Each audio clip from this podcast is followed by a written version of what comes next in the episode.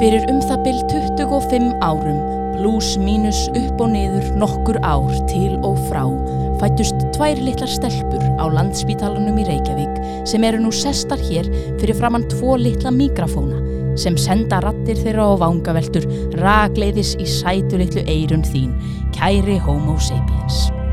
Þær eru sestar hér, þessar litlu eða stóru stelpur, til þess að velta fyrir sér menningu, hugarstarfi og hegðun homo sapiens, fullorðins fólks, breyskra manna, klókra kvenna og þær vilja skilja af hverju. Af hverju fólk gerir það sem það gerir. Af hverju það hugsar eins og það hugsar, af hverju það elskar það sem það elskar, af hverju það er svona eins og það er.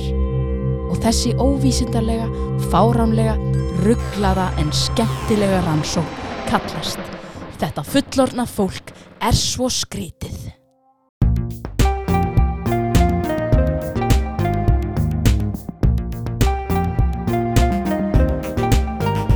Þú ert að hlusta á hlaðvarpið Þetta fullorna fólk er svo skrítið með Önnulísu og Björk á útvarpi 101. Gestur þáttarins í dag er Friðgeir Einarsson, rithöfundur og sviðslistamæður og framtíðar hlaðvarpsgerðamaður. Og viðfangsefni þáttarins er sögur og skaldskapur.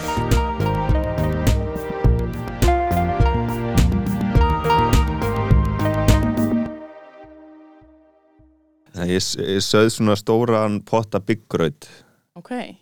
Og svo er bara allt í hennu allir á heimilinu hættir að borða morgumat í kjölferð. Býtu, er það öðruvísi en grjónagröður? Nei, grjónagröður, ég ætla að segja hafragröður. uh, já, haf, bygg er öðruvísi kott. Ég held að það væri bara meðlæti með fisk eða eitthvað. já, það er hægt að það er hægt að hafa það sem meðlæti sem er fisk. Havrar væri frekar lélett meðlæti með fisk. já, Já, einmitt. Það var svolítið... já, En En- bygg grautur? já um, það er svo kallað Gabriels grautur Hmm, og þú getur keift þér svona pókabygg hvað er þetta eitthvað á biblíunni eða? uh, ég veit, ég þekki ekki upprunnan en bygg örglega hefur verið getið þannig fyrir botnið miðjarhás á. Já. bygg er uh, mjög, mjög bara flott kott Já, en uh, já, sem sagt sonum mínum finnst það ekki spennandi morgumatur og Mhm. sérstaklega ekki þeim yngri og nú allt í enn í morgun var kona mín hætt að borða morgumat ætla, Mm. Ó, ok. þannig að allir við förum ekki bara allir við fara ekki bara út í búða á eftir og kaupi cornflakes Jú, sjáðu hvort að það séu alveg hægt að borða morgumat Já. eða byggurutinn. Já, þetta er skýrt merki. En pælið í því ef að sko í staðin fyrir bygg með fisk ef við værum alltaf bara að elda havragraut eða veist af hverju ákvaðið að hafa bygg sem möðlæti já, bara fisk og havragröð Já, bara hliðina og okkur myndi ekkert finnast það skrítið. Nei, emmitt, ég held að það sé bara algjörlega random sko að, að okkur, okkur finnst við haf, þurfa að hafa kartaflur eða hrískur Já, en ekki einmitt. havragröð um Já. Já, en svo er náttúrulega hægt að gera þú veist það er hægt að gera graut greinlega úr öllu. Það er náttúrulega makkarónugrautur líka. Já, emmitt, það var uppáhald hjá mér þegar ég var lítil sko já, Mhm. akkurat finnst það mörgum mjög skrítið, veistu hvað það er Annalísa? Nei. þá setur þú þess að bara alveg eins og þess að gera grónugraut Mhm. nema þú setur svona ákveði pasta onni sem er svona eins og kuðungur eða svona já. kuðungur og setur bara kanil og sigur yfir, kanilsigur Nei. og borða bara, jú, Af hverju kanilsikur? Þá ertu bara komin í grónum. bara alveg eins og bygggrauturinn Já, já, Vá, ég var að ímynda með svo að myndi koma einhver ostur inn í þetta eða eitthvað svona. mm -mm. Nei. nema mak makarónur er náttúrulega bara finnmarlað kveiti í rauninni sem er Já. síðan steift aftur upp einhvern veginn í já, já, já, Þetta er alltaf sama. og síðan getur þú náttúrulega held jafning, svoðið makarónunar held vatninu af og, og sett jafning yfir og, Mhm. og ost og þá ertu komið með mac and cheese mac and cheese Mhm, sko. Já, mhm, það er kvöldmatur þá, Já. ekki morgumatur nei, En þetta er magna með svona pasta og, og einmitt grjón og havra og eitthvað. já, Uh, kannski sérstaklega þegar það er orðið unnið einhvern veginn, svo spagetti já, og núðlur. Hvort koma undan? Spagetti eða núlur já, eða þú veist En- ítalst spagetti já. Eða þú veist var þetta ekki, þú veist, allar þjóðir heims það var náttúrulega ekkert svona fólk var ekkert að hafa samband í hvort annað hérna Nei. hinum inn á nettinu og þurfti að sigla ekki allavega leiðir. Var ekki fólk bara eitthvað að vinna með kveiti út um allt og uh, prófa sig áfram og einhver prófaði núðlur, einhver gerir spagetti mm spagetti, Spagi það bóla á lesi allir nema Íslendingar, þeir voru bara að borða eitthvað kinda Supp fytu og ógið Já. kartöflur, gulrætur rófur, Já, ég held að byrja að frekar sent í kartöflum og já, reyndar. Einmitt. gulrótum en Er svo hvað veit ég um það? Ég er, eh, þú veistu að fá eitthvað svona næringarsakfræðing í Já, gott. það verður svolítið áhugavert. Já. Við erum svolítið er þetta? Við erum komin off topic. Strax, við byrjum aldrei á því. Já, Hérna Nei, hérna bara velkomin Takk Friðgeir, fyrir, til okkar. Takk. Hvað segirðu gott í dag? uh, Jú, ég segi bara fínt sko.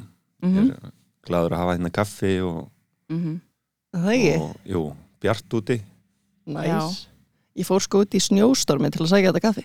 Já, það, Hljóp hérna á Emily and the Cool Kids, þetta er ekki auðlýsing nei, En við værum svona til í spons frá. Emily and the Cool Kids. Emmitt, þú borgaði fyrir kaffið. Ég borgaði fyrir kaffi, já. Ok, þakkaði fyrir það. Já. Þetta er nefnilega bræðast eins og borgað kaffi sem var sótt í snjóstormi. Það er nefnilega bara espresso, nei hvað heitir þetta, Nespresso, vél hér. Já, Já, já, hún er fín. Ég ætla ekki að segja meir um það. Hún er Nei. fín þú, þetta er ekki spon, þú ert ekki að auðlýsa Nespresso Nei, heldur. ekki heldur Nei, Og mér langar eiginlega ekki í spons frá þeim, sko nei, nei, nei. Bara. Emily and the Cool Kids Já, það var gott sko Já, einmitt En hérna, já uh, Þú og George Clooney með Ég, já að kynna Nespresso Býtu, er hann að gera ykkur auðlýsingar eða? eh, Ég hef allavega séð hann eða þá svona gráharði maður sem er mjög líkur honum þá Og það er ógæslega sniðut að fá Já. svona eitthvað svona, er þetta allir sem eru að horfa á auðlýsingar eitthvað, er þetta ekki George Clooney? Eitthvað þá langum við að kaupa þessu vel. En spara ógæslega mikið á Já. að þurfa ekki að ráða George Clooney í Já, auðlýsingar við erum bara með tífarn hans. Já, Já. einmitt. Já, það verður snið það væri mjög sniðat Já, já. En ef að byrja á svona ja, alveg, Alvöru lífsins. Já, Já. Já, kannski einhverju rót að hérna skáldskapnum í þínu lífi Frikir, Já, hvenar byrjaður þú náttúrulega hefur skrifað sögur og svo ertu líka sviðslestu maður og já, einmitt. Uh, Sko mm, Já, ég, ég er ekki alveg viss en ég held að ég hafi verið sko að pæla eitthvað í skáldskap bara síðan kannski síðan ég var unglingur.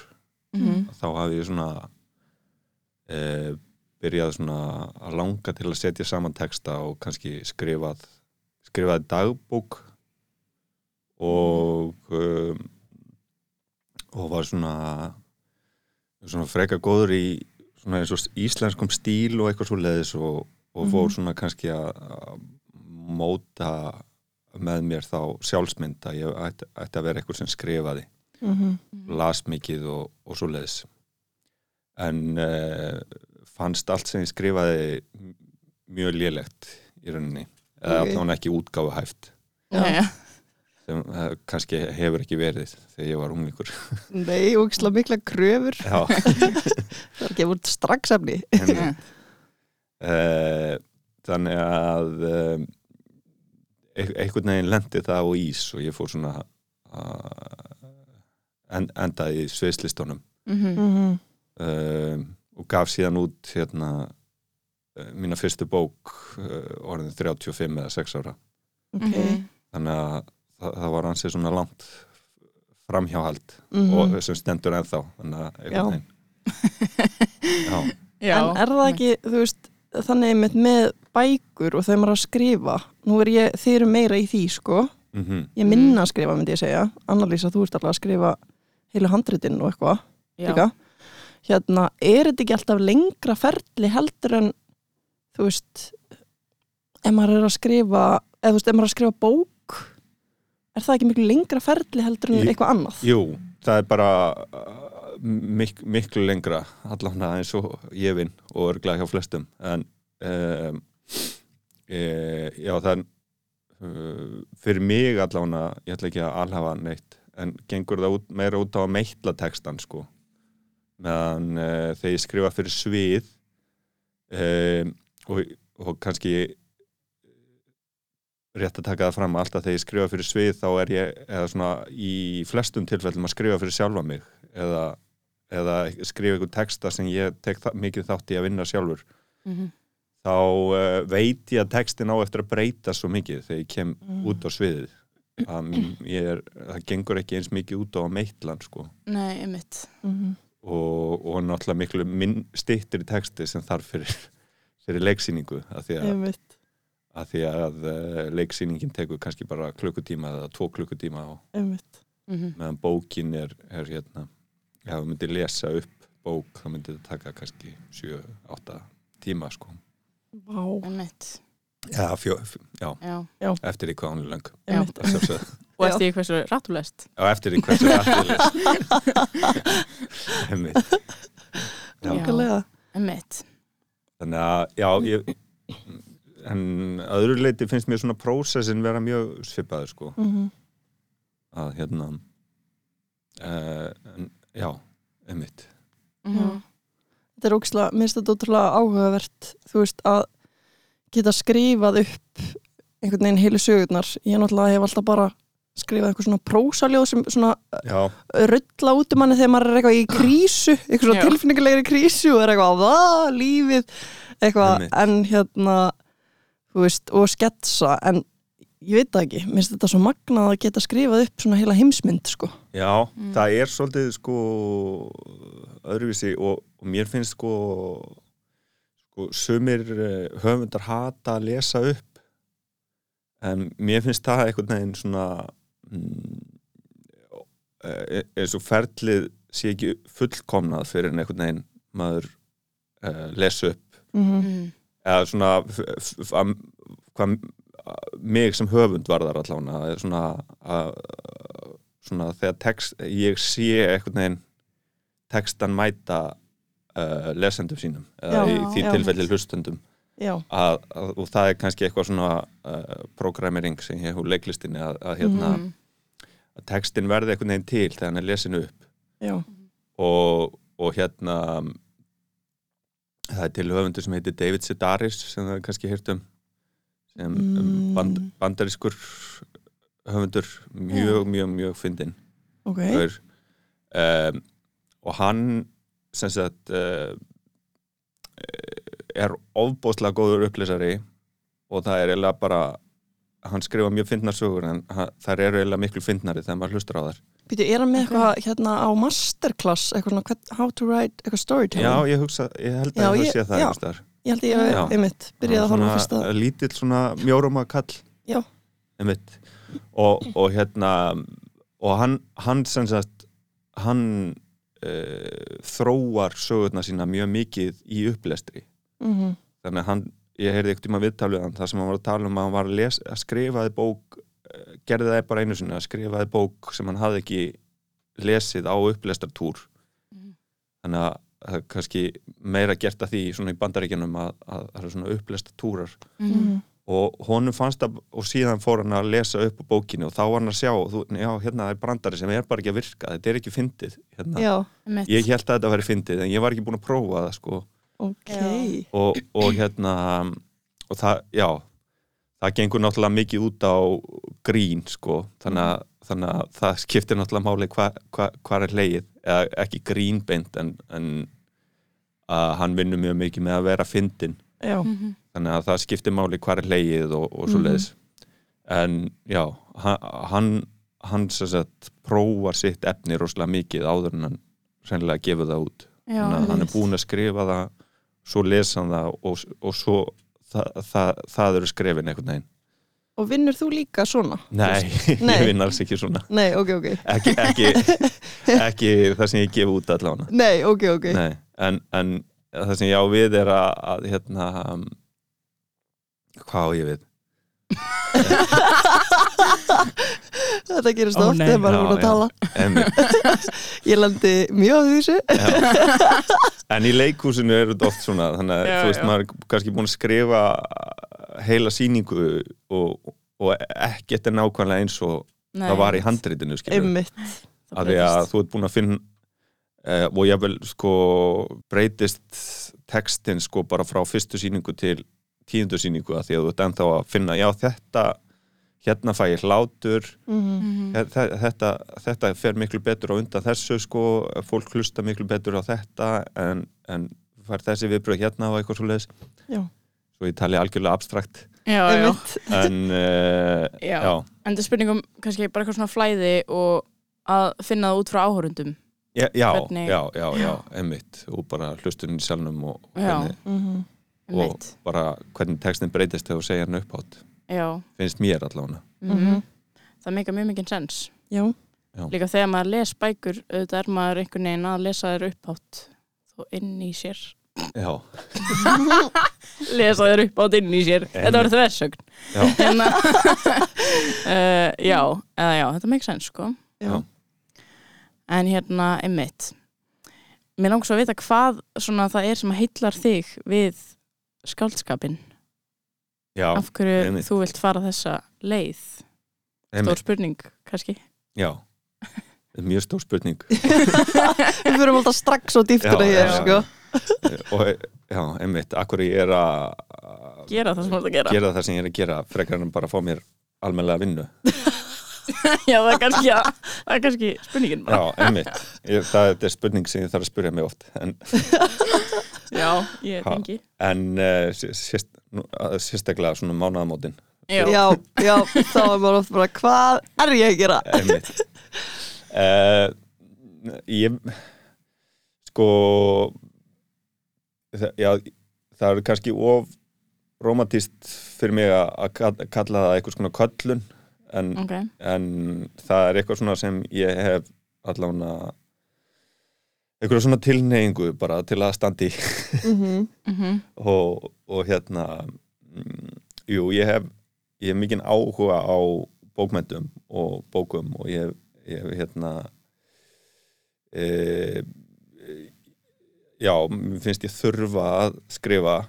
-hmm. stund, mm, stundum langa mig bara ekki til þess en, en, en einhvern veginn finnst ég þurfa að láta mig hafa það og, og af og til er það þess virði að, mhm, að mm, svona finnur finnur eitthvað í starfinu eða útkominu sem, sem hérna sem lætur mig líða eins og það hafi verið þess virði og, og ég ætti endilega að prófa, mhm. prófa aftur Einmitt, einmitt. já um, en uh, þannig, og smám saman þú veist, víkja þessar stóru spurningar einhvern veginn bara fyrir svona hverstagslegri Mhm, e, starfsemi mhm. í, í þessu að maður svona gerir það kannski maður er ekki að spurja sig á hverju mótni ah, hverju að skrifa í dag eða að setjast einna við tölvuna og já, Já, einmitt. skrifa þannig til að hafa vöðabólgu eða, Mm. eða hérna rífressa uh, fótbolti.net allan daginn eða þú veist þá myndur þú kannski ekki skrifa neitt. Þú verður alltaf að spyrja það þessu. Um, já, Nei, kannski ekki. Ekki, ekki að ég voru leitað eitthvað skynsamlegu svari. Vá. Já, en mér erst bara, mér erst svo áhugavert hvað, það ég spyr mér stundum að þessu þegar ég er um, í einhverju bara svilsestaverkefni til dæmis að stundum finnst mér ég bara að lifa eitthvað meira í einhverjum ímynduðum heimi heldur en raunveruleikanum. Já, já, já, og það er svo magnað af hverju myndir maður er maður eitthvað klikkaður fyrir að Mhm. vilja vita svona mikið um einhverja personu, skaldaða personu og lifa sér algjörlega inn í hana? Og meðan er maður kannski ekki alveg þú veist, jafn mikið inn í raunveruleikanum eða jafn mikið. Nei, Mhm. einmitt, tíminn líður líka miklu hægar í sko skaldskapnum mm þannig að þú ert kannski bara í margar vikur inn í einhverju búð. Einmitt. Já, að bara að kaupa sósulit eða eitthvað já, já, já. meðan, þú veist Mhm. að líða kannski eh, 10-15 dagar í raunveruleikan já. þess að þú Shit. bara að ferða á leikskólan eh, ferð, ferð á skrifstofuna eh, vinnur Mhm. te tekur mörg símtöl, ferð heim elda kvöldmatt, eh, ferð í heimsókn eh, Mhm, ferð að sofa, vaknar aftur Mhm. þannig að lí, líður tölvert mikið líf Hægur. á milli meðan bara personan þín er að Mhm. rölda um einhverja búð. Já, Þetta er svo áhugavert út af því að ég er nýbúin að lesa einhver svona rannsókn ástæðan fyrir því að þegar maður er lítill og tíminn líður svona hægt já, er út af því að við erum alltaf uppgöt eitthvað nýtt og við erum að læra eitthvað nýtt þannig þá er heilin, þú veist, hann er miklu lengur að meðtaka meðan þegar maður er eldri þá er þá er mjög sjaldan sem maður er að upplifa eitthvað nýtt þannig, já, já, já, þú veist, við það að skrifa og þú ert að tala um að tíminn líði hægar þá Já, ert þú já. alltaf að uppgöta væntalega heiminn eins og barn. Emmitt þannig einmitt. kannski þess vegna er þetta hægar. Já, algjörlega, já Einmitt, maður er kannski svona að reyna að sjá fyrir sér bara hvað er í hillunum í búðinni og, og hérna, skiptir það máli fyrir það sem ég er að segja? Og nei, en hvað er hérna, hvernig er ágreðslumadurinn, hvað segir hann? Skiptir það máli, nei hvað, skipt, hvað skiptir mér, eigum við að fara í frostnu eigum við að fara í örbylgjupítsunar uh, er, hvað er við að gera hérna? Já, ég um bara láta, já, ég sleppa þessum kabla alveg. Já, já, sennilega sleppa þessum kabla alveg. Hvað er það búin að vera að gera í tíu daga? Um, en finnur einhvern tímann svona þú veist að þegar þú ert að skrifa mm að þú kemst bara svona í sóni þú ert bara svona, þið líður eins og sé ykkur annar að skrifa í gegnum þig. Já, já, já, það er best, já, það er best. Já. Já. mhm, Þá, það er e, sko þetta er ekki, fyrir mig er þetta ekki mjög algeng tilfinning. Mhm, en mér, já, mér líður best þegar ég, mér finnst ég ekki þurfa að ráða eitthvað þeim sjálfur hvað kemur út. Það sé eins og að komi eitthvað starf annar staða frá. Mhm, og ég held ekki að það komi eitthvað starf annar staða frá það er bara eitthvað að ég er ekki um, já, þetta er þá fer maður í bara þetta flæði. Mhm. mhm, það sem, það sem maður hérna já, einhvern veginn ræður við það sem er að gerast. Og maður þarf einhvern veginn bara að vera reytvélin eða hérna, bara að vera með hendurnar á líklaborðinu og já, láta það koma. Mhm. mitt Þá er þetta kannski eins og okkur köllun sko já, þá Já. er þetta, já, einmitt þá verður þetta kannski svona þú ert bara hilkið eins og Dóra já, sagði já, já, og svo kemur bara eitthvað svona blúp emmitt í gegnum já, þig. já, já, já, emmitt maður er bara einhvern veginn svona verkfæri fyrir Já. einhvern anda. Tengdur alheiminum einmitt. Já. Og þá, já, þá var þetta svona eins, og- kannski meira eins og eitthvað svona trúalegt já, já, einmitt. Það ég manna blefti sko að það var hérna í bókinni Big Magic. Hann við lesið hana ég hef Það ekki lesið hana það er verið að tala um að hérna í, í bókinni Big Magic það var verið að tala um sko að hugmyndir hoppa eða þú veist, eru bara svona í alheiminum og hoppa svona milli hausa þannig ef, ef að þú ert að vinna að einhverju sem rithöfundur að hérna ef þú ert búin að manifesta en ert ekki að vinna í því og síðan er bara einhver vinnun sem kemur nákvæmlega sömu hugmynd og þú ert bara what the fuck? Já, Mhm. þú veist, ég var með þessa hugmynd en þá var hann bara búin að hoppa úr þér einmitt. og í einhvern annan, þetta er rosa svona eitthvað spiritual sko, og eitthvað svona alheims eitthvað svona, ú þessi Já, bók er rosa mikið þannig sko. Einmitt. Ég Já. sko, ég var um daginn að syngja hérna uh, ég, veit, man ekki, ég veit ekki hvort þið munið eftir því en hérna uh, lagið hérna já, já, já, já, já, já, já, já ég er tilbúin mm sem var þegar var uh, ég veit þetta út að ég var ég er nýbúin að vera eitthvað svona með lúðurinnum að auglýsa en ok, já, ég er samt á ekki að vita hvað þetta er í Ég veit 93 módel sko. Já, þetta var sem sagt þegar uh, öll sím, símanúmer voru fimm eða sex stafir. Mm. og svo var ákveð að bæta stöfum fyrir framann þannig að það verður öll sjö stafir sjö tölustafir. Og þetta var eh, kallað símnúmerabreitingin og Mm. þetta var mikill viðburður og það voru auðlýsingar þar sem var uh, maður sá svona fólk í hinnum ímsu störfum um all land Já. kallar og konur börn sem sungu já, já, já, já, já, já, já, ég er tilbúin já, já, já, já, já, já, já kom svona sóbransönguna og, Wow. og, og, og, bassar, bassar mm.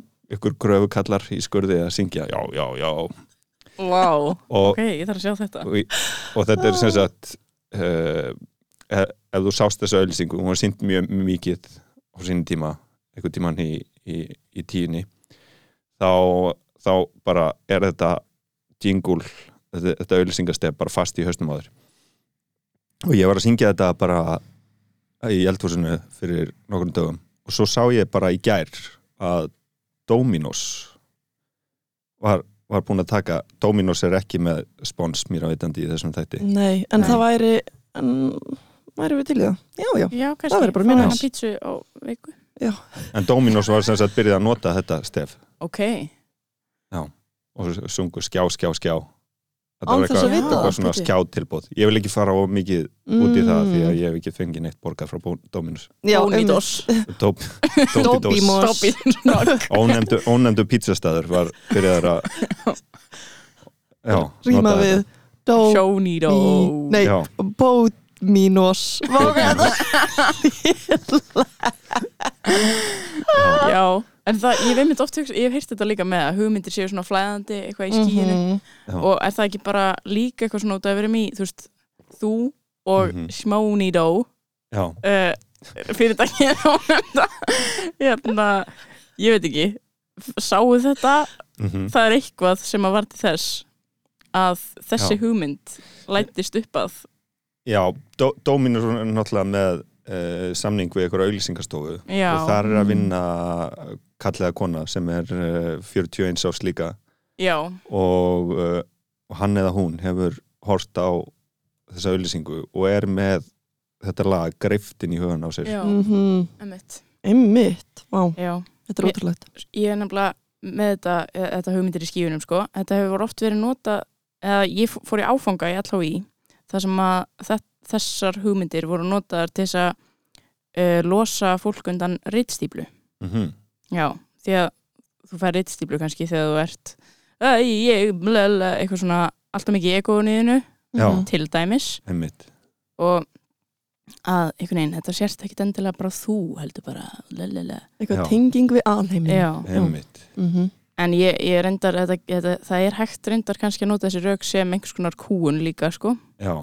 Við reitstöld og svona, Hve- hvernig kúun þá að bara eitthvað svona, eða kúun, ok, svona, Og þetta var svo brútal, ég er svo spennt. Já, hérna, ég, ég fór bara að hugsa þetta út frá þessu, bara ef að til dæmis einhver stelur frá öðrum, já, jafnvel einhver sem er betur stæður, já þú veist, þá er þetta að nota Mm. þetta, bara, þetta eru bara hugmyndir í loftinu, skiljaði mig. já. Já, Um, það er náttúrulega aðeins öðruvísi ef það búið að gefa út efni já, og svo ætla þú að gera eins mm það er náttúrulega þú veist, þá er hugmyndir ekki búin að hoppa á milli þá átt hún sér stað fyrst í öðrum líkama og það Já, er búið já. að manifestana Já.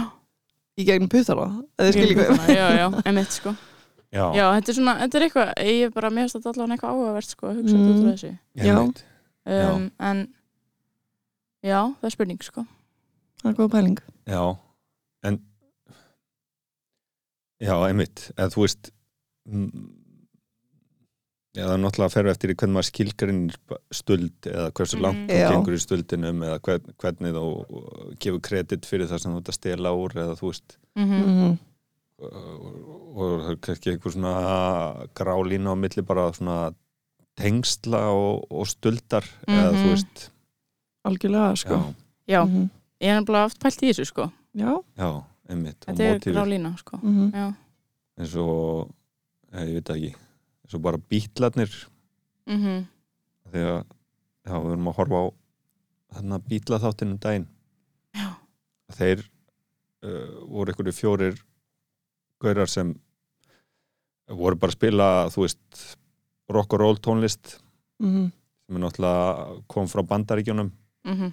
þar sem uh, hún hefur verið þróuð úr svona ritma og blues Mhm. tónlist sem bandaríski blokkumenn hafðu Mm einmitt einhvern veginn svona kjarnað í Mhm. gegnum sína tilvist hann í bandaríkjunum -hmm. einmitt og kannski byggð á einhverju sem kemur þá engra, en þá lengra frá frá Afríku bara Mhm. einmitt um, og síðan koma fjórir hvítir gaurar bara úr uh, Hafnaborg á Englandi og, og gera það bara einhverju fenómen Mhm. Mhm. og það þýðir ekki að uh, það sem þeir gerðu sé ekki gott eða get ekki, þú veist, snertig eða þú veist að þeir hafa ekki Mhm. gert það ógeðslega vel eða hafa verið frábæri lagahöndar en þeir voru líka sko bara ofta að stela Mhm.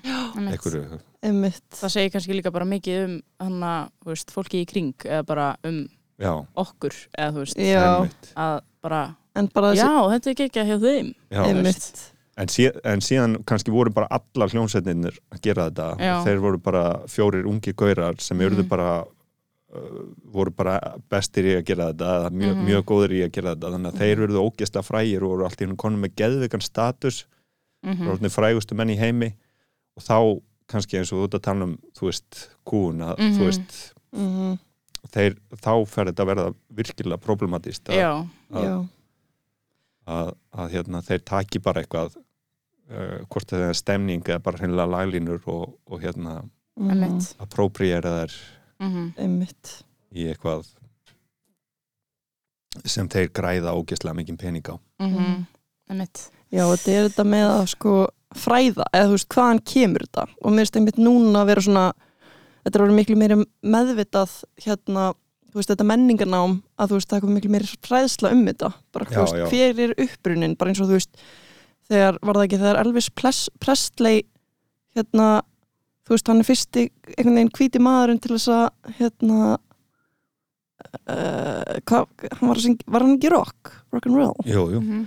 þú veist, já, já já, jú, jú Gott að þið fengu hérna Já, já. miðaldra mann til að tala um já, já, já, Elvis Presley og The Beatles Nei, bara þú veist, hann varði mitt það var bara miklu flottari þú veist, svarti tónlistamenn sem voru bara að gera nákvæmlega sama Elvis Presley en hann fær samt plattform út í henni hvítur Já, einmitt, Mhm. þannig það er þessi meðvitund um þetta sko Mhm. Einmitt. já, Já. Já, Vá, við fórum bara alveg út fyrir efnið. Við en- vorum djúpt. Samt. Já, bara gott Um, já, já, ég var að hugsa á þann. Sko, út af að vorum að tala um þetta að lifa í uh, skálduðum verulega. já, Um, já, ég bara hugsa af hverju einhvern veginn af hverju við gerum þetta af hverju finnst okkur svona gott að búa til skáldaðan veruleika til þess Mhm. að tala um raunveruleikan Já. mm, eða flýjan einmitt. einmitt En er maður ekki alltaf að nota líka sko að ég hef heyrt að bestu rithöfundirnir rithöfundarnir um, og kannski er þetta ekki rétt ég leiði rétt að mig ef ég er hérna komin út í eitthvað bull. Séu alltaf að nota eitthvað úr sínum raunveruleika og þar með ertu væntalega eitthvað svona að spegla þitt líf en samt inn í öðrum heimi. Mm -hmm. Já, einmitt. Megar það sens um, notar þú, eða þú veist, ef þú heyrir eitthvað svona setningu eitthvað svona, ú, þetta passar Já. inn í Já. þú veist, hér. Já. Já, ég gerir það. Ég er hérna geng um með svarta bók mm -hmm. með auðum síðum sem ég Mm. skrifa stundum eitthvað einhverju hugsanir eða eitthvað sem ég heyri Mhm. og um, og já, byggja stundum það sem gerist í sögunum á einhverju sem hefur komið fyrir mig sjálfan Mhm. Mm -hmm. en uh, sko, já, ég, ég held þessi sammálaðir að um, það er ekki allt sannsögulegt, eða alls ekki Mhm. sem gerist, en mér finnst það einhvern veginn ekki samt svona satt nema Nei. ég tengi það einhvern veginn við, já, við uh, eitthvað í mínu lífi sko, Já, eða við, við sjálfa mig. Mm. Uh, þannig að já, mér finnst sko þá, þá komum við eiginlega bara aftur tengjum við aftur við hérna uh, umfjöllun okkar um uh, rock and roll tónlist uh, sjönda áratúrins já, hver hefur þú veist lefi til að segja hvað eða þú veist, Mhm. mér finnst ég að mér líður þannig að ég þurfi einhvern veginn að, að hafa svona agency, svo ég sletti ha- hafa sem sagt, rá, ráða einhvern veginn yfir því sem ég segi sko. Mhm. annars, annars finnst mér ég lenda í einhverjum vandræðum ef, ég, Mhm. ef, ég, ef það kemur ekki einhver staðar uh, frá mér. Já, og það þarf ekki að þýða að það sem ég skrifum hafi bókstarlega gerst heldur bara að að, að um, já að snerti mig einhvern veginn. Það sé einhver svona kjarni sem, já, já, Einmitt. einmitt. Já, einmitt. Já, en það er kannski eh, frekar basic svona þegar maður hugsa um það nei, samt ekki eða þú veist, þetta er bara, þetta er allt pælingar, sko, Já. þú veist Mhm. svo hugsa maður um eins og hérna fólk sem er svo hérna George, hvað heitir hann, Martin hana, sem skrifaði Game of Thrones Mhm. Já. þú veist, er hann bara inn í þessum heimi nema hann er bara að nota personur úr sínu lífi, eða þú veist hvað er satt til dæmis hjá honum eða, þú veist, Já. eða eru einhver rithöfundar sem eru bara algjörlega ekki að skrifa neitt úr sínu lífi Já. ég held að það sé ógislega erfitt þú veist, komið þangað sko einmitt, Já, verður það þá ekki eitthvað skrítið því þá ertu kannski bara að reffa í annan skáldskap eða skiljiði mig, já, já, já en kannski en það lítur alltaf að enda á alvöru mannesku já, er það ekki? Jú, það verður að vera einhver Þetta er persóna sem lengra. það já. er líka sko bara eins og fyrir hann eða fyrir eitthvað sem, ég hef ekki lesið Game of Thrones og ekki séð þættina Nei. en ég get ímynda mér að það verði að vera eitthvað level relatable að, Mhm. svona, mm að, þe- að, að viðtakandi geti einhvern veginn svona tengt við það sem er að gerast. Þannig að það eru bara eitthvað svona uh, svona ósnertanleg uh, kongar og prinsessur og eitthvað svona skrimsli og verður að einhvern veginn svona flatt. Þannig að þú þarf einhvern veginn Mm. að svona gæða personunar einhvern veginn lífi. Uh, eða hafist þið lesið það séð Game of Thrones Sko, Já, ég hef lesið, já þú er hort Já. Já, ég hef lesið eitthvað fyrstu tvær bækunar og svo Mhm. náttúrulega bara fór maður í nám í LOI og hafði ekki tíma til að lesa mér nei, nei, nei. en Mhm. þar er hann sko hann er rosalega góður í því að hérna í að koma hann á óvart eða þú veist, maður hatar einhvern gerðsamlega hatar hann í Já. fyrstu bókinni Já, svo bara snýr hann því alveg við og maður byrjar geðveikt að halda með karakternum emmitt þess vegna Mhm. held ég að það hafi verið svona vinsælt alveg þangað til þeir hættu að fylgja bókunum. Já, og Já, byrjuðu bara að, að bara, ekki- já, bara, þú veist, Já, já, reyna já. að skrifa eitthvað sjálfur handrit út frá yngri bók út í hann og eftir að gefa út bókin út í hann svo mikið að vanda sig sko, eða þú veist, þetta er svo mikið barnið dáin hans. núna. Er hann dáin? Nei, ég veit það ekki. Ég held ekki, Ég vona ekki, ég vona að bókin fá að koma út. En jú, það, hérna allir fans, hvað segir maður aðdáendur hans, mm. þeir voru að hafa svo miklu ágjur af því að hann borðaði vist bara eitthvað tvær steikur á dag og er ekki vindla og drekka viski og hérna Já, er já. bara fyrir rosa illa með sig sko. Hann er ennþá á lífi, hann er 73 ára ok, Ok. gott Ég er auðvitað röglunum saman með George Martin upptökustjóra bítlana sem er dáin Já, já, já, já, þessi heitir George R. Martin. Ó, það er arrið sem er skilur þá að ég á mjög erfitt með sko svona uh, sögur þar sem er dregi sko Ah. bókstaflega dregi Já, ég, Já. ég er með einhvern svona mantraði með að tengja við svona ævintýra. Já, ertu bara eitthvað, þetta er ekki til. Hvað er þetta að gera þannig? eiginlega já. Já. Það er ekki til drekar ég veit að þetta er ekki svona uh, þetta er ekki gott sjónamið en, en hérna en já, ég kannski ég er svona getur einhvern veginn svona meira samsama með við þú veist framtíðar svona Já. game dóti mm frekar en einhverju svona svona fortíðar drega dóti Já, það er nákvæmlega sama hér. Já, Ó, Ég ætlaði nefnilega að fara að segja þetta líka. Ég er mjög, ég fíla svona game dót sko. Já, Mér finnst það eitthvað spennandi. En einmitt, bara, þú veist, og álfar Ég er ekki, ég, ég Nei, tengja nei, sko einmitt. Ég tengi Ég- ekki Getur Lord of horfið the það Rings ekki sko. The Rings? Eh, Lord of the Rings er ekki fyrir mig nei. Nei, ekki fyrir Já, mig ok. Ég sko. Ég hef bara aldrei upplifað þetta, við erum með tveimur manneskjöp í- sem horfa ekki að Game of Thrones og ekki Lord of the Rings. Já, ég með aldrei að segja þetta. Ég þóri aldrei að segja þetta. ég, ég hef ekki lesið Harry Nei, Potter. ekki heldur. Guð, góður Ánægð við sundum Já, Ég er bara utan gáta hér. Ég, En ef þetta hefði verið risaðla í Game of Thrones, ef það hefði verið eitthvað það er risaðla sem er eitthvað Nei, eh, drekin er svona bara hluti af held sko. Mm. Já, ég, það, er ekki, það er ekki stóra vandamálið að drekin per se að Mm. ég er hérna ég bara eh, ef þetta væri sko sagfræði Já, Einmitt þá, þá var þetta meira fyrir mig sko. Eitthvað svona vikingarsitt þar ertu bara eitthvað Já, Nei. Það er líka mjög erfitt. Mér, Það verður líka eða svona vikingasitt er, er farið að skýrskota einhvern veginn líka í þetta Game of Thrones dæmi Já. þannig að Já. tala allir svona og einhvern veginn Já, já, svona, allir óksla sveittir og skítugir Já, og... mér finnst það svo leiðileg fagufræði já, Mér finnst það sko, ég held að það sé nummer eitt líka hjá mér. allir svona ógeðslega köttaðir með eitthvað svona skegg Já, en samt ógislega svona þunglindislegt hérna Sketti uh, nú, nú er ég bara að tala um vikingadót og það er mist sko Game of Thrones þar er bara mjög já. dæmi sko og margir menninga heimar og eitthvað svona lala. Mhm. þannig, ég er ekki að tala um Game of Thrones. Nei, en náttúrulega síðustu seríunar sökka, uh, ég má alveg segja það en þú veist, kannski ekki fyrst. Það er engar spoiler alert nei, nei, nei, Nei. nei, nei, já, já, já, þetta er nú meira ruglið með þér en, já, en ég held að sko eins, og- eins og í svona game dóti líka Mhm. að þá þarftu einhvern veginn að sjá sko, ég er ekki að segja að það sé bara eitthvað að ævintýra uh, bókum eða, Mhm. eða sjónvastáttum eða hver sem er en þú þarftu einhvern veginn að sjá manneskjurnar held ég til að geta tengt við það þannig að þú veist, þú ert að horfa manneskjurnar að borða mat og hvernig það borða mat Mhm. og, og hérna Mhm. það er að segja brandara og, og hérna og það sem þú ert í rauninni að horfa á er tengsl milli fólks og, og hérna eitthvað svona tilfinningalíf Mhm. þannig að eh, ef það, ef það snýst um hvað ef eh, venjuleg kona hittir drega einmitt ef það er spurningin hvernig Má ég spyrja einu? eða dregin er myndlíking fyrir eitthvað Já, já, já. sem á sér stað í hugar heimi konunar eða, já, Ég skil. Ertu þá líka mótfallin sko, eh, þú veist að segja, þú átt, eða ekki, tvö börn? Jú.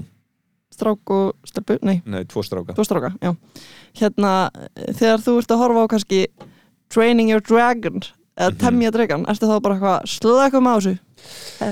nei, nei, sko en í, nei, það er náttúrulega allt allt efni sem þeir horfa á er eitthvað dýratarla og eitthvað svona sem. Já. gæti ekki gerst og þú ert bara sveittur og horfa bara "Ah, hvernig kemst ég undan þessum raunveruleika sem er ekki sannur eða ert bara eitthvað hvað er drekin að tákna hér strákur hitti drega er hann að mæta sko, Eh, ég gerir mér það stundum til gamans að Já. vera eitthvað að horfa á korpasveit og hérna hva, og, og hugsa, hvernig gætt Robert gert þessa motion grafík bara meðan hérna uh, blíða bæstjóri og, og hænulína er í hættu sko, akkur var ekki meira áriðanda fyrir hann að bjarga bara fara beint í björgunna, ekki að útbúa motion grafík og brífa korpana áður og hérna já, einmitt. Hvernig er hann svona rólegur? Akkur er blíða bæjarstjóri alltaf í vesinni, þú veist, er spiltasti og vanhæfasti bæjarstjóri sem hægt er að hugsa sér sko. En, oh og, og, og síðan hérna var eldri sónu minn byrjaður að að leika þetta eftir mér og þá sá ég að ég þurfti að fara að hætta þessu. En ég held ég hafi lært sko tilenga mér einhvern veginn það að sóna bara út með ég er að mm, með Já. eitthvað svona barnaefni í gangi. Já, já, ok. Þannig að ég er, ég er svona að fatta það um daginn að ég er stundum bara get, hef ekki svona aðteklisbann til að fylgjast með mm, heilum þætti eða eitthvað svona kjátaði bara af því að ég er þá að nota tíma til að gera eitthvað annað. Já kannski Þannig að- pæla bara í bókinni. Já, já, já. eða bara eða, svo, svo, já, eða bara elda kvöldmatinn já, bókstaflega. já, já, já, já, um mitt þannig að þú veist ég, já, ég, þá var eitthvað þáttur um daginn sem bara eitthvað umi sumi og ég fatt að ég hafði bara aldrei hort á heilan svona þátt. Bara, Mhm. já, um mitt já, Þannig að því ég bara alltaf ég nota, ég var einhvern veginn vani með að fara að gera eitthvað annað meðan, þetta er í gangi, einmitt. Já. svona kvíldin mín. Já, já, fríið mitt. Já, þannig að þannig að þetta þarf að vera svona svolítið lógíst já, og kannski það ljómar þess að sé svolítið um samskipti líka. Já, er það ekki? Eða, er það ekki það sem maður hefur áhuga á? Það er svona samskipt fólks. Mm þannig að, já, það er það sem 100% maður er að leita í. Já, eða, eða ég veit ekki samskipti já, það er eitt af því en bara líka eitthvað svona manniskulegt sem Mhm. maður vil sjá. Og það er líka náttúrulega líka að þú ert að gera mynd, heila bíómyndum mynd um dýr sem tala og syngja þá þar, þar þurfa þau samt að minna þig eitthvað á fólk. Já, einmitt. þau ekki, getur ekki bara verið eitthvað alltaf að, að reyna að fá fóður eða um þú veist. mitt. einmitt, já, þú getur ekki búið til heila mynd um svín sem er bara svín nema Já, að segja heimildamynd. sem er bara já, dead, einmitt. dead inside. Já. já, einmitt. Þetta er sko eh, ég upplifa það sama sko því núna er maður ég veit það ekki því eldri sem maður verður hljóma sem eins og ég sé orðin mjög gömul en ég er mjög ung um, sko ég pæli rosa mikið í ymmit persónusköpun Mhm. og hvað maður myndi gera í alvörunni og hvað þessi karakter myndi gera í alvörunni Mhm. og þú veist um leiðum maður byrjar að vera þætti sem eru bara með einhverju svona uppskrift Mhm. Mhm. Af einhverju, þú veist, típiska tussan eða eitthvað svona þá missi ég áhugan, sko, út af því að maður er alltaf undatekningin frá stereotypunni, Mhm. Já. maður er aldrei stereotypun nei, Einmitt. þannig, já, Já. Já, ég er alveg sammála því og, og svona ef við erum að tala um þætti núna þá, þá eh, alltaf þegar, komin, þegar ég sé eitthvað svona uppskrift þá verð ég mjög uh, áhugalus já, já, Sama hér, þannig sko. að svona glæpa þættir svo haldum að tala haldum áfram að tala um það sem ég fíla ekki það er ég, ég á mjög erfitt með að tengja við eitthvað svona glæpa þætti Já, Mhm. og mjög áhuga laus um hver morðingin er og, og, og akkur að það þetta snerta mig Mhm. Já, mér veist ég mitt sko haldast við þætti og líka bara bækur og allt svona út af karakterunum. Já, Já. Ég er búin að taka eftir, því, ég var að reyna að sp- spotta þetta, hvað er þetta sem að, þú veist, lætu mig horfa svona mikið á þetta. Það er bara, mér langar að fylgjast með þessum karakter. Mhm. Hann er að vil þróast bara fylgjast með lífi þessara manneski einhvern veginn og spekla sig endalaust. já, Er það ekki bara það sem maður er alltaf að gera? Spekla sig einhvern veginn í þessu jú eh, og höfundurinn að spekla heiminn. emmitt Já, nokkulega eða höfundurinn bara gera eitthvað sem, hún færi gegnum sig Já, nákvæmlega. köllurinn. Köllurinn speklar heiminn í gegnum. já, Já. Það er útrúlega, hérna þetta er bara svo áhugavert, þú veist af hverju manni finnst, eins og þú veist hvaða þættir eru finnust þættir sem þú eru hort á, eða nýlega? Eh, sko ég, ég hef verið hérna algjörlega heitlaður af þáttum sem heita How To með uh, gaur sem heitir John Wilson. Já, Já. Sem eru hérna hann er sem sagt uh, býr í New York og hann er með svona þráhyggju að sapna hann er bara tekur allt upp sem hann gerir Mm ah. eða virðist vera hann, hann tekur allan, hann er alltaf með myndavél og tekur uh, já hann te tekur bara upp uh, gengur um gödunar og tekur upp allt sem hann sér sem hann finnst áhugavert Mhm. Og svo hefur hann klift þetta saman í, í svona sögur. Ó, er þetta þá bara út frá raunveruleikanum? Já, Já, ok. Og hann, hann er svona mjög nördalegu gaur. -hmm. og tala með svona mjög nördalegri rödd. En hefur greinilega samt rosalega mikinn húmor. Og, og hérna uh, já þannig að það- ég veit ekki hvað ég get sagt meira með þetta, þetta er bara eitthvað sem maður verður að sjá. Hann, býr, Mhm. Hann er sem sagt með svona vir- virkar svona freka félagsfælin náungi Mm Mhm. sem er samt uh, vill vinna í sínum málum. Og það sækist eftir samskiptum og, og hérna og er að reyna að átta sig á hvernig heimurinn virkar. Já, um, og, og, og dregur einhvern veginn fram að það er í rauninni það sem allir er að gera. Það er allir Mhm. einhvern veginn að, að reyna að lifa sínu lífi já Einmitt. uh, í samskiptum við annað fólk Mhm.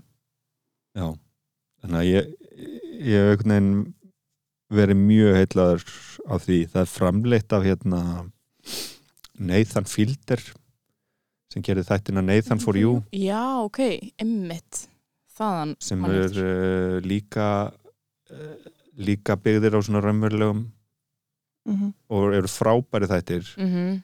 Og byrja, sagt, það eru fjóra serjur og byrja sagt, algjört grín. Já, þannig að Nathan Fielder er svona, hann kemur og hjálpar fólki með lítil fyrirtæki og er alveg rosalega lélegur í því. Hann fær rosalega lélegar hugmyndir og hrindið þeim í framkvæmt og, og hann er með sko svona hann verður alltaf að hrinda hlutunum í alvörun í framkvæmt Mhm. Þannig að og, og, og, fólk veit, veit ekki hvernig það á að bræðast við honum og, og svo og svo vext þetta og, og, og, og hérna, Nathan í þáttunum er líka einhvern veginn svona félagsfælin og, og, og, og, eh, og mjög vandræðilegur samskiptum við fólk Mhm. og gengur rosalega illa og það magnast einhvern veginn upp og hann var alltaf meira og meira einmanna og desperat. Þá til í fjórðu seríunu, síðasti þáttun í fjórðu seríunu er, er í kvikmyndalengd ok. Þar sem hann hjálpar hérna ótrúlega lélegri Bill Gates eftir hermu að finna æsku ástina sína. Oh my god. Það er geggjað. Vá, og, og þetta er, er reynilega mistaraverk og þar Ok. hérna e, svona einhvern veginn snýran sko við einhvern veginn e, e, ég er ekki alveg ge- getilega ekki alveg orðað þetta nógu skýrt sko. Þetta er hérna hann, hann tekur þetta form þetta satíru form og snýrði einhvern veginn við. Þannig að hann Mm. hérna uh, uh, já, einhvern laðins að hugsa um þetta. Ég, já, Já, en hann, hann vinnur mikið með svona sviðsynningu hins persónulega, já, já, já, einmitt. Það ekki? jú, og Svolítið svona mörk einhvern veginn raunveruleika og skaldskapar. akkurat það er mjög áhugaverð mörg finnst mér sko. Já, Mhm. Já. einmitt. þannig að hann er sko, sagan er alltaf mjög manipulerið útgáfa af veruleikanum hann er Einmitt. greinilega sko að færa til hluti og þú veist setja upp setja fólk í, eða svona setja upp gildrur, þannig að fólk Mhm. verður að bregðast einhvern veginn við þannig að hann er, þetta er ekki þetta er ekki raunveruleiki sem slíkur hann er að Mhm. skrifa raunveruleikan einhvern veginn en það áhugaverða er að hann dansar á einhverju svona línu sko, þannig að, þannig að verða til einhver svona mjög uh, uh, já, verða til einhver svona raunveruleg viðbröð og raunveruleg samskipti og, og hérna já, verður, ver, verður til einhver svona dýnamík milli raunveruleika og skálskapar sem ég finnst mjög áhugavert. Já. Þú ert náttúrulega búin að vinna mjög mikið með heimilda leikhús Já, ég einhvern veginn lendi því eða kom sjálfur mér í þá stöðu. Í setni tíð já, Já, og svolítið að vinna með þessi mörk. já það er líka Mm uh, já, mér finnst spennandi þegar þú veist, raunveruleikin skrifar sjálfur einhvern veginn sögur. Mhm. Einmitt, og, og, það, og það er kannski komið aftur inn á þetta með þetta, þetta þessa köllun eða eitthvað það, mm að þe- þegar mann líður eins og maður sé bara komin hinga til að segja söguna ég er ekki að láta, láta hann að gerast einhvern veginn eða ég er samt að láta hann að gerast af því að ég Mhm. ákvað hvaða atriðin ég sleppi og hvað, Mhm. hvað ég legg áherslu á og hvað mögulega færi ég eitthvað til tíma til að gangi betur upp inn í sögunni Mhm. Einmitt, einmitt. Já, ég bara hugsa, ég hugsa stundum líka hvaðan þetta kemur, eða þú veist, einmitt þessi um, þörf fólks til þess að segja sögur. Við sem mannkynið byrjum svo snemma að byrja að segja einhverja sögur til þess að, Mhm. Einmitt. og líka sko fylla inn í hérna þú veist, með draugasögum til þess að reyna að útskýra Já, einmitt, uh, álvar, eitthvað. Já, Þú veist, af hverju erum við að þessu? Einmitt. Já, væri ekki bara lífið svo leðalegt, að það væri Já, ekki neitt ímyndunarafl. Jú, eða eitthvað, eða þú veist, skiljaði mig. ég veit ekki, kannski er þetta líka sko eh, eitthvað þú ert náttúrulega að læra eitthvað líka og að læra, Mhm. þú veist uh, bara allan fjandan, bara Mhm. lögfræði eða stöðu þína í samfélaginu eða, Mhm. eða hérna hvernig heimur vísindi eða, já, eða hvernig á elda hérna pipakökur eða baka pipakökur eða, eða Mm. hvað sem er Mhm. Uh, já, og svo, svo einhvern veginn er það þannig að það kemst ekki til skila ef það eru leiðilegt þá, þá verður til eitthvað svona skálskapafræði eða, er ég, ég veit ekki hvað lögmál ráða því, ég held að það, það sé það eru til mikil vísindi á bakvið það held ég, Mhm. Já, emitt. Og fólki finnst dót mis skemmtilegt, Einmitt. Misleðilegt. Mhm. algjörlega. Og fólk er alltaf að reyna hefur alltaf verið að reyna að krakka þetta. Hvað, Mhm. hvað akkur einhver saga er góð og önnur léleg. Mm einmitt. Já. Já, þetta er eitthvað svona þú veist, einmitt uh, þú veist, í gegnum tíðin að hafa einmitt sviðsverk og svona alltaf verið með þetta karthassis já, þú veist, það sem að þarf að upplifa spekla sig til þess að læra eitthvað. Já. Og mér finnst það náttúrulega er, er breytt núna er til alls konar form eins og við vorum að ræða á eitthvað en hérna, er þetta þá eitthvað svona þú veist, einhver, eins og þú veist að segja maður er alltaf að læra eitthvað. Er þetta einhver leið til þess að kenna nema bara gegnum einhver skemmtilega sögur eitthvað svona uh, Jóhann, hann labbaði út um nótt og týndist. Mm ekki gera það út af því það var draugur sem tók Jóhann eða, eitthvað, eða þú veist er þetta eitthvað svona, bara eitthvað, hvernig getum við komið í veg fyrir að fleiri Jóhannar hverfi? Eða veist að það sé ekki fleiri að deyja hérna úr Já. ættbólkunum okkar eða eitthvað, þú veist? Börn sem heita ekki Jóhann geta jafnvel samsama sem Jóhanni ef, Já. einmitt, ef þetta er ekki ef þetta er bæði nógu sértækt til að vera áhugavert Mm og nógu almennt til að þú getur tengt við að þú heitir Aron. Einmitt, nákvæmlega. Mhm. Já, þá er hann alltaf komin líka bara í svona dæmisögur sko. Mhm. já, dæmisögur og hérna bara biblíuna og bara bóðorðin og hvernig áttu að haga þeir sko. já, Já, og þetta er náttúrulega krassandi sögur í biblíunni, oft á Já. tíðum. Það er bara að vera fórningur um börnum og ég veit ekki hvað og hvað. Alls konar uh, stríð og kynlíf og, Já. og, og hérna kraftaverk. Þetta er náttúrulega bara, svora bók. Já, þetta er súra bók og skemmtisögur og bara, ég veit ekki hvað og hvað. En það er engin dregi í biblíun eða hvað, eða hvað? Eða hvað? En það eru geimverur. Það er Þa, og það er allt í lagi. Já, og talandi dýr. Já, eru talandi dýr í biblíunni? talandi höggormur. Já, Höggormurinn, er hann ekki smá dregi?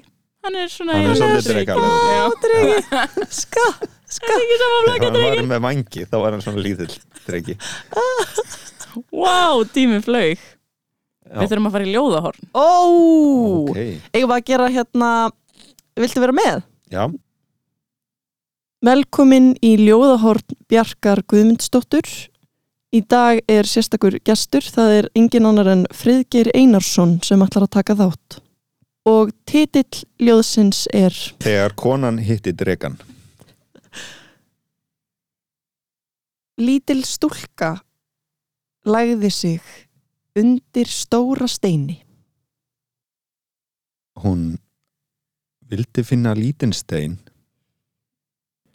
en í þessum heimi var ekkert lítið Hún rölti um bæinn í leit, leit sinni að sannleikanum. sem var ennþá undir þessum stóra steini Hún kraup við Anna og sá speilmynd sína. En í bakgrunn var alltaf stóri steinnin. áina hafði lagt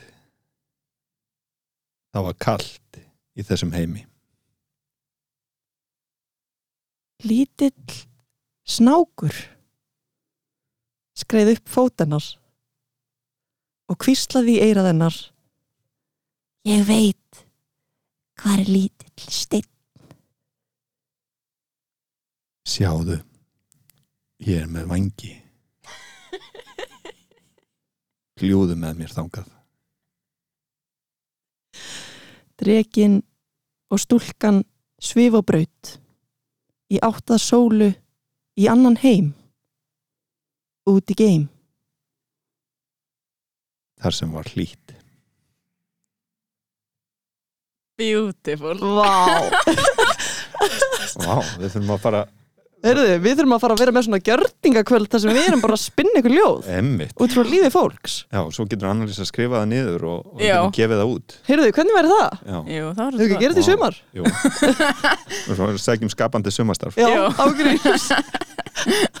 Jú, við erum bara 16 ára Já, í okkar heimi. Já, ekki hægt að fá sérstaka undan þá fyrir Já. svona eh, bara einn gamall Já, bara einn einn Og ég er nú bara nýja orðin, 29 ára. Það er sem ekki.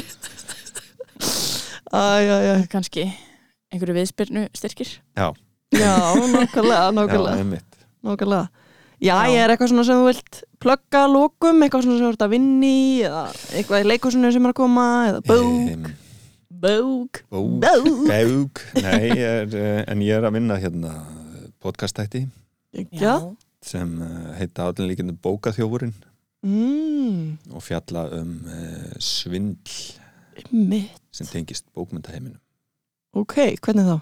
um, sem sagt í uh, fyrir síðustu jól þá gaf ég út bók.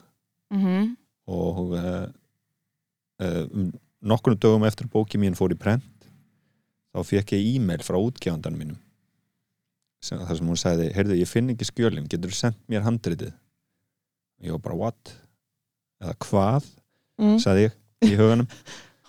Hvernig getur þú verið búin að týna handritinu og þú veist, akkur viltu fá bókinu núna? sagði, þetta sagði ég allt við sjálf á mig. Já, já, já, einmitt. og, og hérna hvers konar vinnubröð er þetta? hugsaði ég. En ég hugsaði þetta hlýtur að eiga sér eðlilega skýringar og hérna, fór bara í síðustu útgáfuna handritinu sem ég hafði verið að vinna með og sett inn í tölvupóst og byrjaði að skrifa hérna e, já, hérna er síðasta handriti sem ég snerti en manstu það voru þrjár, fjóra breytingar sem við töluðum saman í gegnum síma. Og svo þá hugsaði þetta getur bara ekki verið. Og ég ringdi hana og þá var hún stödd á Ítalíu út, út, útgefandi minn og hafði sko aldeilis ekki verið að senda mér henni post En byrju, var þetta af hennar e-maili? uh, já, leit út fyrir að vera úr hennar e-maili Ok. en svo að þegar ég skoða betur þá átti reply posturinn að fara á eitthvað annað e-mail Ah, þá er þetta alls ekki neitt sérstakt fyrir mig heldur hefur einhver svindlari verið síðustu ár að svindla bækur út úr höfundum, bæði þekktum og, uh, og lítið, freka lítið þekktum eins og mér mm, og, um, samt ekki. Og ég fór eitthvað ja, takk fyrir takk, takk, takk. Uh, eitthvað að skoða þetta en síðan var maður handtekinn núna í januar í New York Oh af. FBI Wow. Fyrir þetta. fyrir þetta sem sagt að vera að skrifa hundruðum höfunda svona svindlposta Það er rosa mikið vinna.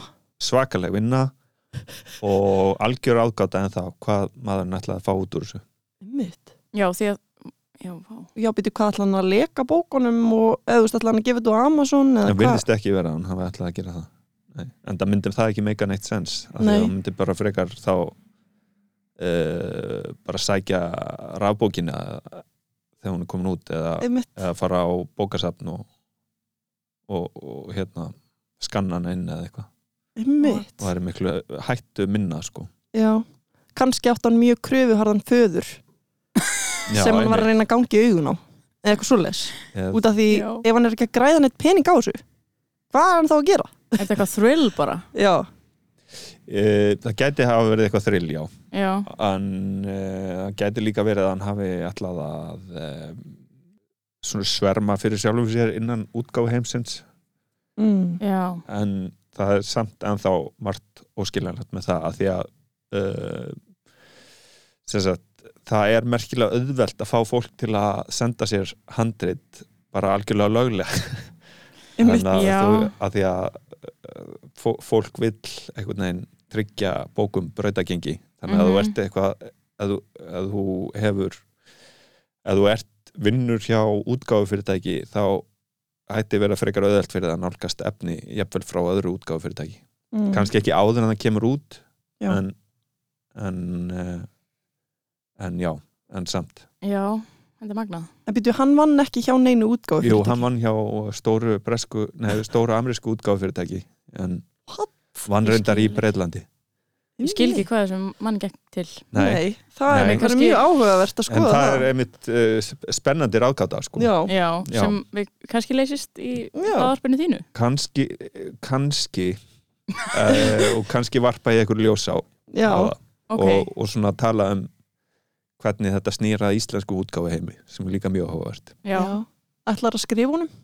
Mm. í fangelsið? ég hef uh, það geti verið en ég hef reynd að skrifa honum en það hefur ekki borið á, árangur að þá, Einmitt. ok, nei, og það er engin dregi í þessari sögu, ok, ok. Jú, En er þá, ekki það sem ég hef statur er. En hvenar, hvenar kemur þetta út? Og hvað er hægt að hlusta? Uh, þetta kemur út á uh, Storytel. Já, Wow, ok. nice. Uh, og þar verður hægt að hlusta en ég uh, útgáðdagunni liggur ekki alveg fyrir. En Ok, það er uh, sjálfsagt ekki mjög langt í það. Mm spennandi. Það er mjög spennandi.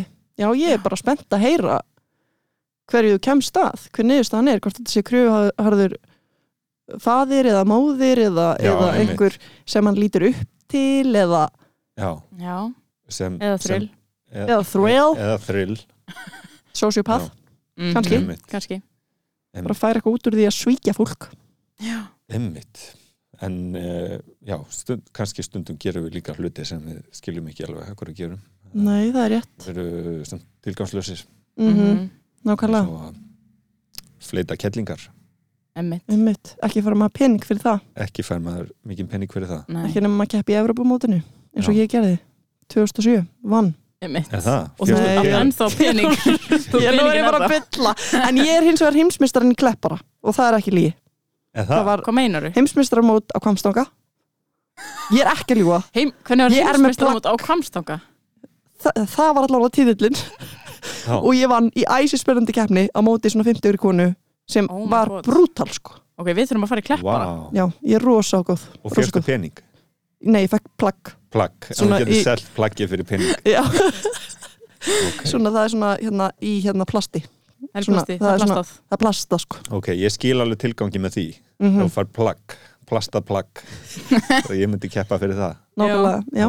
þetta var mjög skemmtilegt sko. Akkur Já. heldur þetta heiti kleppari? Ó, ég veit það ekki. Ég held að einhver hafi verið kannski frá Svíþjóð í staðan fyrir klappar út í maður alltaf svona Já, maður gerir svona í lokin. Þannig kannski verður þau eru með kleppara og hérna það heiti klappari á sænsku en uh, í staðan fyrir klappari á íslensku Já. þá er þetta kleppari. Ok Veitu, heitir þetta, er það, er það ég er að bylla núna með Ok, sænska mannin já, sko. já, já. en ég Já, er bara en- út af okkur heitir þetta ekki klappari? Já, mér, mér En myndi ekki einmitt finnast það kleppari. mega meira senn sko. Annet Já, kleppari Þar er þú í kleppara, Sverige uh, nei, Svenne Sven Já, han kvarv út í nóttina Já, Ja, han, han är Tinder. Så är det vad som spelar i klapparna. þetta er sami maðurinn Æ, hérna Jóhann í sögun Já. áðan, hann hvarf. Já, já, já Þetta er sami maður sem skrifaði það á Já, sögu já, já. Já, já, ok Já, já, er þið En já, bara Takk fyrir komuna Takk. Kærlega fyrir Æðislega fyrir komuna. Já, mjög gaman að koma. Já, bara bara frábært spjall. verða að fá að koma aftur og tala meira Já, við viljum mjög mikið fá það það. þarf Já. ekki að taka þau upp sko. Þetta- Nei,